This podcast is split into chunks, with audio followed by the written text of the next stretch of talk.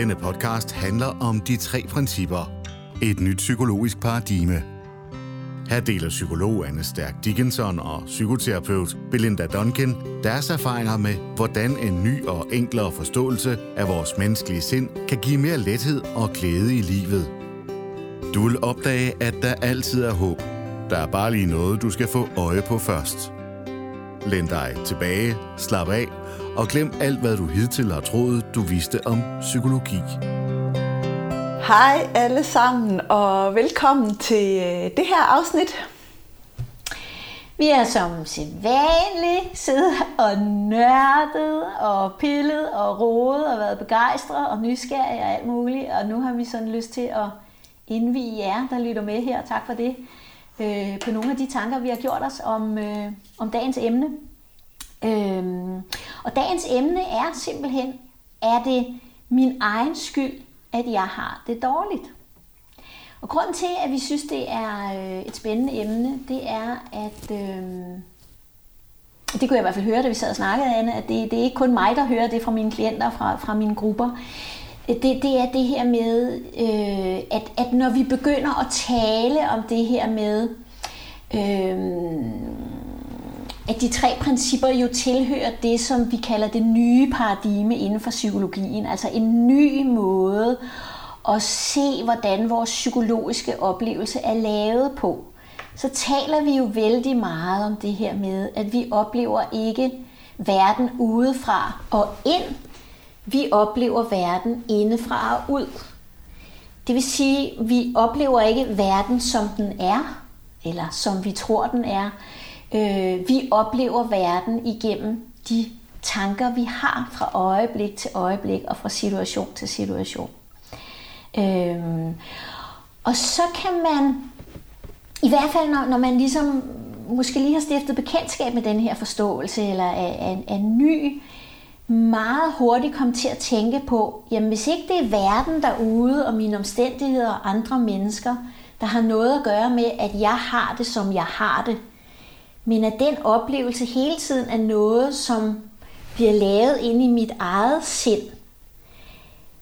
Hvis det er sandt, så må det jo på en måde også være min egen skyld, hvis jeg oplever tingene, som jeg gør, og at jeg deraf får det skidt, får det dårligt, at jeg ikke fungerer, at jeg ikke føler, at jeg har styr på det, at jeg ikke kan mestre mit liv, øh, at jeg bliver ved med at falde ind i angst, stress, depression, overtænkning, øh, Øh, konflikter, hvad som helst, øh, som gør, at, øh, at mit liv på en måde ikke fungerer på en tilfredsstillende måde for mig. Altså jeg oplever smerte på en eller anden måde, enten psykologisk smerte eller fysisk smerte i livet. Hvis jeg oplever verden og livet af andre mennesker indefra og ud, så må skylden jo ligge på mig.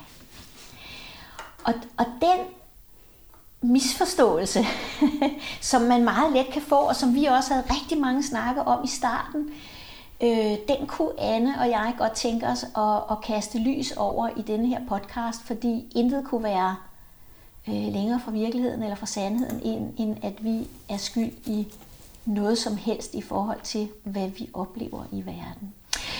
Øh, og lad mig lige prøve at forklare sådan her, øh, jeg kan i hvert fald prøve at sætte lidt ord på, øh, hvad det er, der giver mening for mig i den anledning. Og noget af det, som jeg næsten altid fortæller alle mine klienter øh, i starten af vores samtaler, er nøjagtig samme grund for at tage skylden og skammen fra dem, hvis den måtte være der, det er, at man rent faktisk har lavet nogle, øh, nogle meget store undersøgelser, faktisk i forbindelse med det her med, øh, at den metakognitive terapi kom på banen for de her sådan 10, 12, 14 år siden eller sådan et eller andet. Og grunden til, at man begyndte at forske i det, som man igen kalder det nye paradigme inden for, for psykologien, øh, det var, at man blev meget nysgerrig på, hvordan det kan være, at mennesker reagerer vidt forskelligt på kriser og traumer. Øh, der er nogle mennesker, øh, som næsten uanset hvad de har været ude for i livet, øh, meget hurtigt på en eller anden måde, næsten som en korkprop, kommer op til overfladen og ligesom bare lever deres liv videre, næsten som om ingenting var sket. Og så er der andre mennesker, som kommer til at hænge fast i de kriser og de traumer, de har været igennem. Og nogen øh, kan det tage vældig lang tid, og nogen har en oplevelse af faktisk aldrig nogensinde at, at, at komme videre, når de har været udsat for noget voldsomt. Så det man satte sig for igennem de her undersøgelser, det var, øh, og det man blev nysgerrig på, det er, hvad er forskellen imellem de her to grupper af mennesker? Og øh, den gruppe, man undersøgte, det var soldater, der havde været udsendt i krig. Øh, det er sådan en ret homogen gruppe på en eller anden måde. Den er sådan nem at få fat i, og de har alle sammen været udsat for noget, der minder om hinanden i hvert fald. Nemlig voldsomme øh, krigsoplevelser, kan man sige. Så det man kunne se, når man tog de her, den her store, meget store gruppe af mennesker, jeg ved faktisk ikke helt, hvor mange det var, men det var i hvert fald en, en, en, sådan en, en valid undersøgelse, man godt kan regne med. Øhm, det man kunne se, det var, at der var omkring 35 procent af de her soldater, der blev hjemsendt, som havde svært ved at komme sig efterfølgende over de ting, de havde været igennem. Og, der, og, og den anden gruppe, som jo så i sagens natur var 65 procent, øh, de havde selvfølgelig nogle eftervirkninger over de ting, de havde oplevet, men de rejste sig ret hurtigt og kom videre med deres liv, uden egentlig at, at kigge sig specielt meget tilbage over skulderen.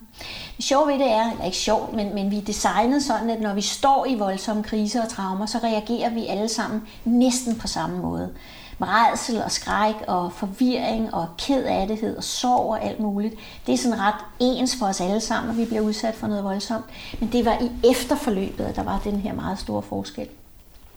Og når man ligesom havde renset ud i alt det, der hedder øh, social baggrund, øh, øh, økonomi, øh, demografi, altså hvor man, hvor man bor henne osv., osv., øh, så var der én ting, der stod tilbage, en eneste ting, der stod tilbage i de her to grupper, øh, hvor man kunne se, at der var en markant forskel. Og det var, at den ene gruppe overtænkte, og den anden gruppe ikke overtænkte. Så de 65 procent af de her mennesker, som ret hurtigt eller relativt hurtigt kom videre, de overtænkte ikke, og den gruppe, som øh, udviklede ligesom efterfølgende symptomer, kan man sige, på de her kriser og traumer, de havde en, en, i hvert fald en grad, og nogle af dem en meget høj grad af overtænkning. Og det er jo, øh, det, det er jo, det er jo vældig interessant for mig at se, at igen, som vi jo snakker om næsten hver eneste gang, vi taler sammen, at, at vores oplevelse bliver skabt øh, indefra og ud af vores, af vores egen tænkning. Men når det så er sagt, så kan man sige, så ligger der en 100% uskyldighed i, om vi tilhører den ene gruppe eller den anden gruppe. Det er sådan set ikke noget, vi selv vælger. Det er baseret på, hvilke tankevaner vi har, hvordan vi er vant til at tænke om tingene. Og det kan være noget, der på en eller anden måde er er grundlagt tidligt i livet, at vi har tilegnet os nogle vaner, som vi kører videre på senere hen i livet, eller vi kan have haft nogle vaner, hvor vi sådan har, har været vant til på en eller anden måde at mestre vores egne tanker og tænke, nå, det behøver jeg ikke at tænke på mere. Øh, jeg, jeg må videre, det er jo fortid, det findes ikke mere. Og i det ligger der øh, en meget høj grad af uskyldighed. Det er ikke noget, vi selv har valgt på den måde, kan man sige. Og, og lidt i forlængelse af det, Belinda, så, så tænker jeg, at, at noget af det, jeg har lagt mærke til, der helt naturligt kan ske hos mange, det er, hvis man kommer til at lave den logik, der hedder, hvis, som Belinda startede med at sige, hvis det her det er opstået ind i mig, hvis det er mine tanker om det, jeg har været igennem, som skaber mit ubehag, hvis man er soldat for eksempel, så hvis det opstår ind i mig, så må det også være min skyld. Det er jo en tankeskabt det, det er en tanke, ikke? men hvis man oplever den tanke som sand, altså hvis, hvis det er opstået inde i mig, så er det også min skyld, at jeg bliver ved med at have det dårligt. Så tænker jeg, at det meget let kan skabe en barriere i forhold til at være interesseret i at opdage, at det er opstået inde i en selv. Fordi der er ingen mennesker, der er ingen af os, der har lyst til, der er jo ingen af os, der kan øh, hvor det giver mening at tænke, jamen det her det er min skyld, det har jeg gjort med vilje. Det ligger fjern fra os. Vi, vi vil gerne have det godt. Så nogle gange kan det her med at, at tro, at, øh, at hvis jeg skal købe ind på præmissen om, at det er opstået ind i mig, det er mine tanker, jeg oplever, hvis, hvis det at købe ind på den præmis bliver det samme som, at det er min egen skyld, så vil vi ikke være særlig tilbøjelige til at være interesseret i at få øje på det. Så, så det her med at få øje på, at det er opstået inde i dig, for det er dine tanker, du oplever. Og det betyder, at der ikke er andre, der kan vælge, hvilke tanker du får. Der er ikke andre, der kan opleve dine tanker. Det er opstået inde i dig. Det vil sige, på en måde bliver det dit ansvar. I hvert fald er det dine oplevelser. Det er dig, der er i dem, og der er ikke andre i hele verden, der kan være i dem. Så der ligger jo det i det, at ja, det er dit. Det er i din bevidsthed, det opstår. Men det er jo ikke det samme som, at du har valgt det, eller gerne vil have det, eller at du har bestilt de oplevelser, du fik. Så det vigtige er for koblet, ja, det opstår inde i din bevidsthed, og så får lavet en afkobling til, men det betyder ikke, det er din skyld. Fordi det kan det ikke være. Så, så det giver ikke mening at snakke på den måde. Så i virkeligheden, så er det det her med at få taget skylden ud af ligningen den, den er egentlig ikke relevant, fordi vi kan også have lyst til at sige, at det var krigens skyld, det var min forældres skyld, det var min arbejdsplads skyld. Vi kan lyst til at skyde skylden ud på verden. Men hvis vi gør det, så er vi jo afhængige af, at noget ude i verden skal forandre sig, for at vi kan få det godt. Og det kan på en måde smage lidt godt, at det ikke er min skyld. Så kan vi børste vores fingre. Men vi er samtidig offer for, at der er noget andet uden for os, der skal forandre sig, for at vi kan få det godt. Og det smager ikke af frihed. Så, så det er det her med at få øje på og begynde at se, at der ligger en kæmpe frihed i at opdage, at tankerne opstår ind i din bevidsthed. Og det er din oplevelse af verden. Og dermed er du også den eneste, der kan opdage, at du kan have et andet forhold til din oplevelse. Du er den eneste, der kan opdage og vælge, hvad du vil gøre med den oplevelse, der opstår inde i dig. Og ja, så kan det føles som en bitter pille, at det er dig, der kan gøre noget. Men når du opdager det, så er det også den største frihed i hele verden, fordi lige pludselig bliver du, øh, får du øh, magten tilbage over dit eget liv. Øh, så, så, og det har jeg sådan et ønske for jer derude, om at I kan opdage. Men hvis vi tror, det er vores skyld, kan det let blive en barriere i at se, øh, se det her med, at livet opleves indefra ud. Tak fordi du lytter med. Hvis du har lyst til at se mere i retningen af de tre principper med stærkere Duncan, så kan du finde Anne og Belinda på onlineportalen www.3puniverset.dk. Her har du mulighed for at dykke endnu længere ind i forståelsen af de tre principper.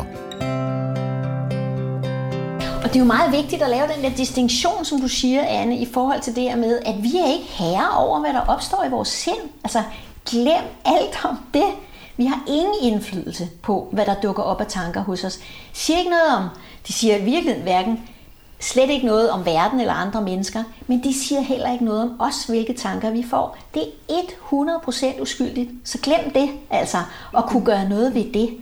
Så på en måde, så kan man sige, det er egentlig bare sådan, hvis nu vi forestiller os tankerne som biler, så er det bare biler, der ligesom er på vej igennem de her tanker.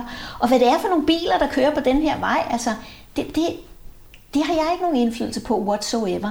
Men det vi let kommer til at gøre, og det er der, det kommer ind, der hvor vi har indflydelsen, det er, at så kan jeg vælge enten bare at betragte de biler, der ligesom kører igennem, eller jeg kan tænke, åh oh nej, åh oh gud, hvad er det her for noget? Hvad er det for en bil? Ikke?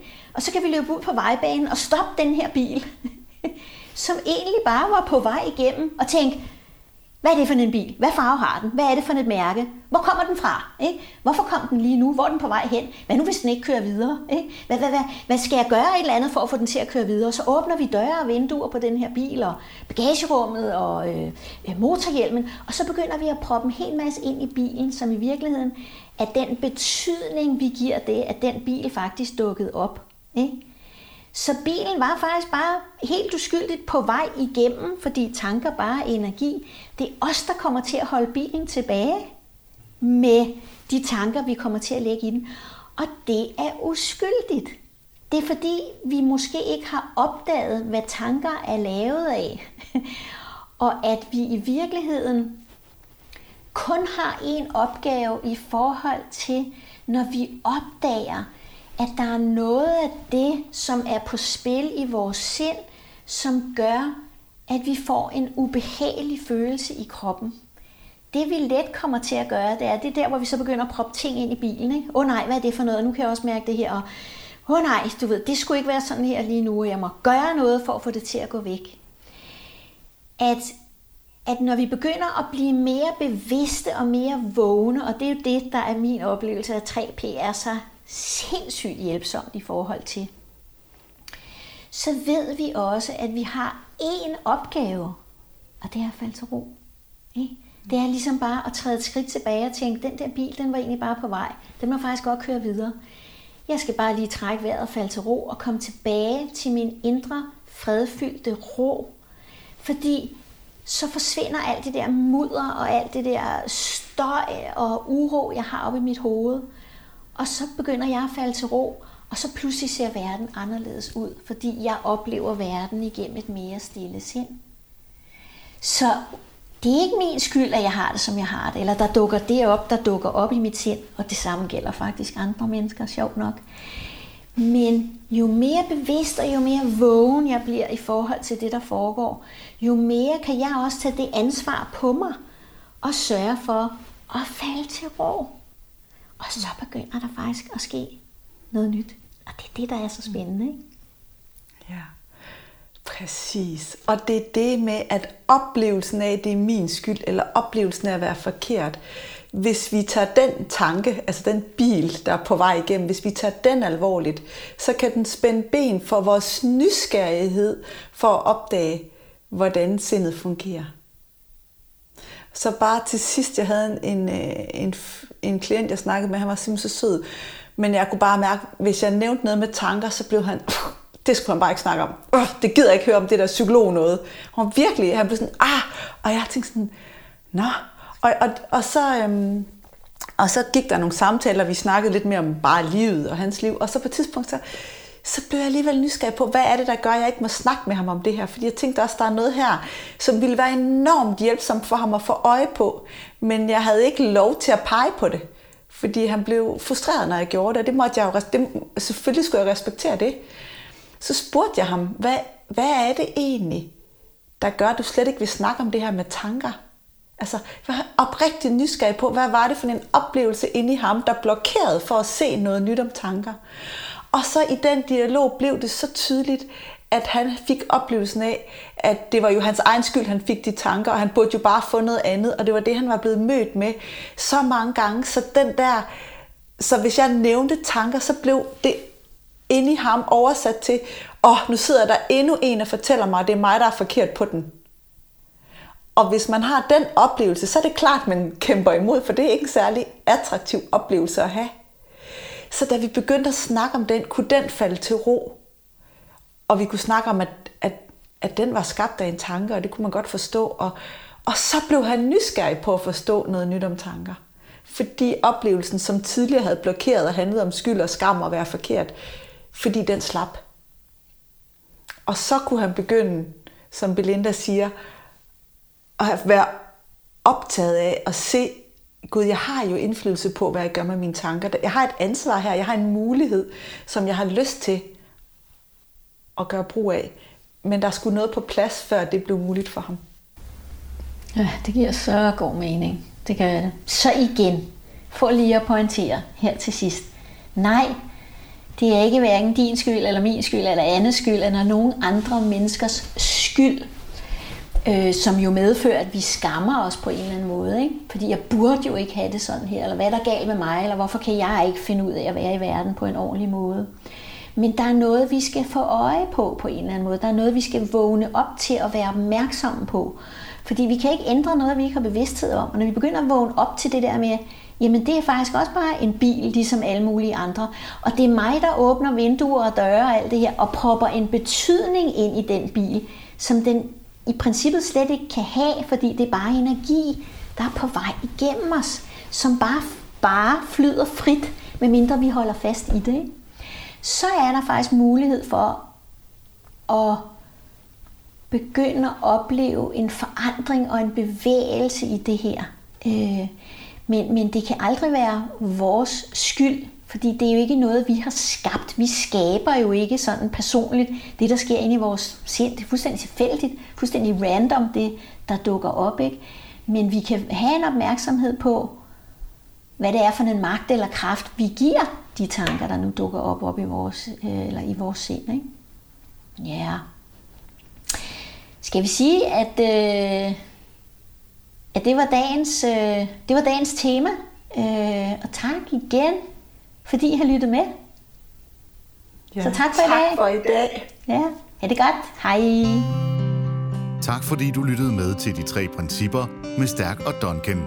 Vi håber, du har fået øje på noget nyt, og du føler dig inspireret til at gå på opdagelse i livet med friske øjne, et åbent hjerte og et nysgerrigt sind.